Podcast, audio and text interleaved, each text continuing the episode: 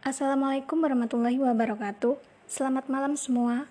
Kembali lagi bersama saya, Novita Arianti, dari Prodi Ekonomi Pembangunan, Fakultas Ekonomi dan Bisnis, Universitas Jana Badra, Yogyakarta. Saya akan mereview kasus penyimpangan prinsip demokrasi desa tentang kepentingan masyarakat desa. Kepentingan masyarakat desa Pelaksanaan pemerintah desa secara keseluruhan harus bertolak dan berujung pada kepentingan masyarakat desa.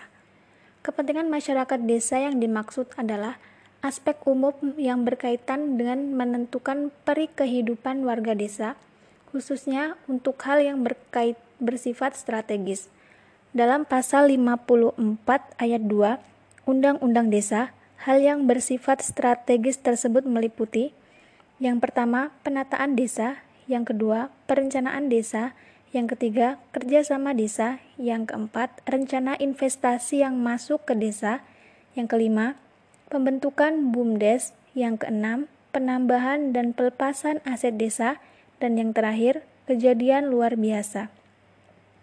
Meletakkan kepentingan masyarakat desa sebagai prinsip demokrasi desa dimaksudkan untuk mengontrol kualitas dan keterwakilan aspirasi masyarakat desa dalam mekanisme demokrasi yang dilaksanakan desa. Contoh kasus penyimpangan kepentingan masyarakat desa yaitu tentang penyimpangan bantuan COVID-19 dan dana desa yang terjadi di Kabupaten Bengkalis, Provinsi Riau. Tujuh orang kepala desa di Kabupaten Bengkalis, Provinsi Riau diperiksa kejaksaan atas dugaan penyimpangan dana bantuan COVID-19 dan dana desa. Ketujuh kades tersebut diperiksa berdasarkan laporan dari masyarakat ke Kejaksaan Tinggi Riau. Laporan warga diteruskan ke Kejaksaan Negeri Bengkalis.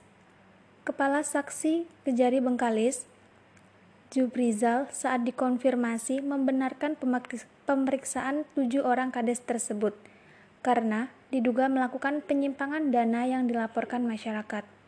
Sejauh ini, pihaknya masih mengumpulkan data dan pemeriksaan saksi terkait kasus dugaan penyimpangan dana tersebut. Beliau mengaku pihaknya belum mau terburu-buru menetapkan tersangka.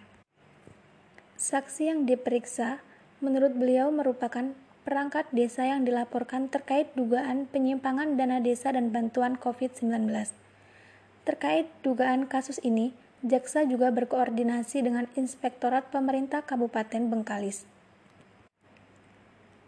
Beliau menambahkan, ketujuh saksi tersebut merupakan kades di Kecamatan Bengkalis, Bukit Batu, dan Rupat Utara.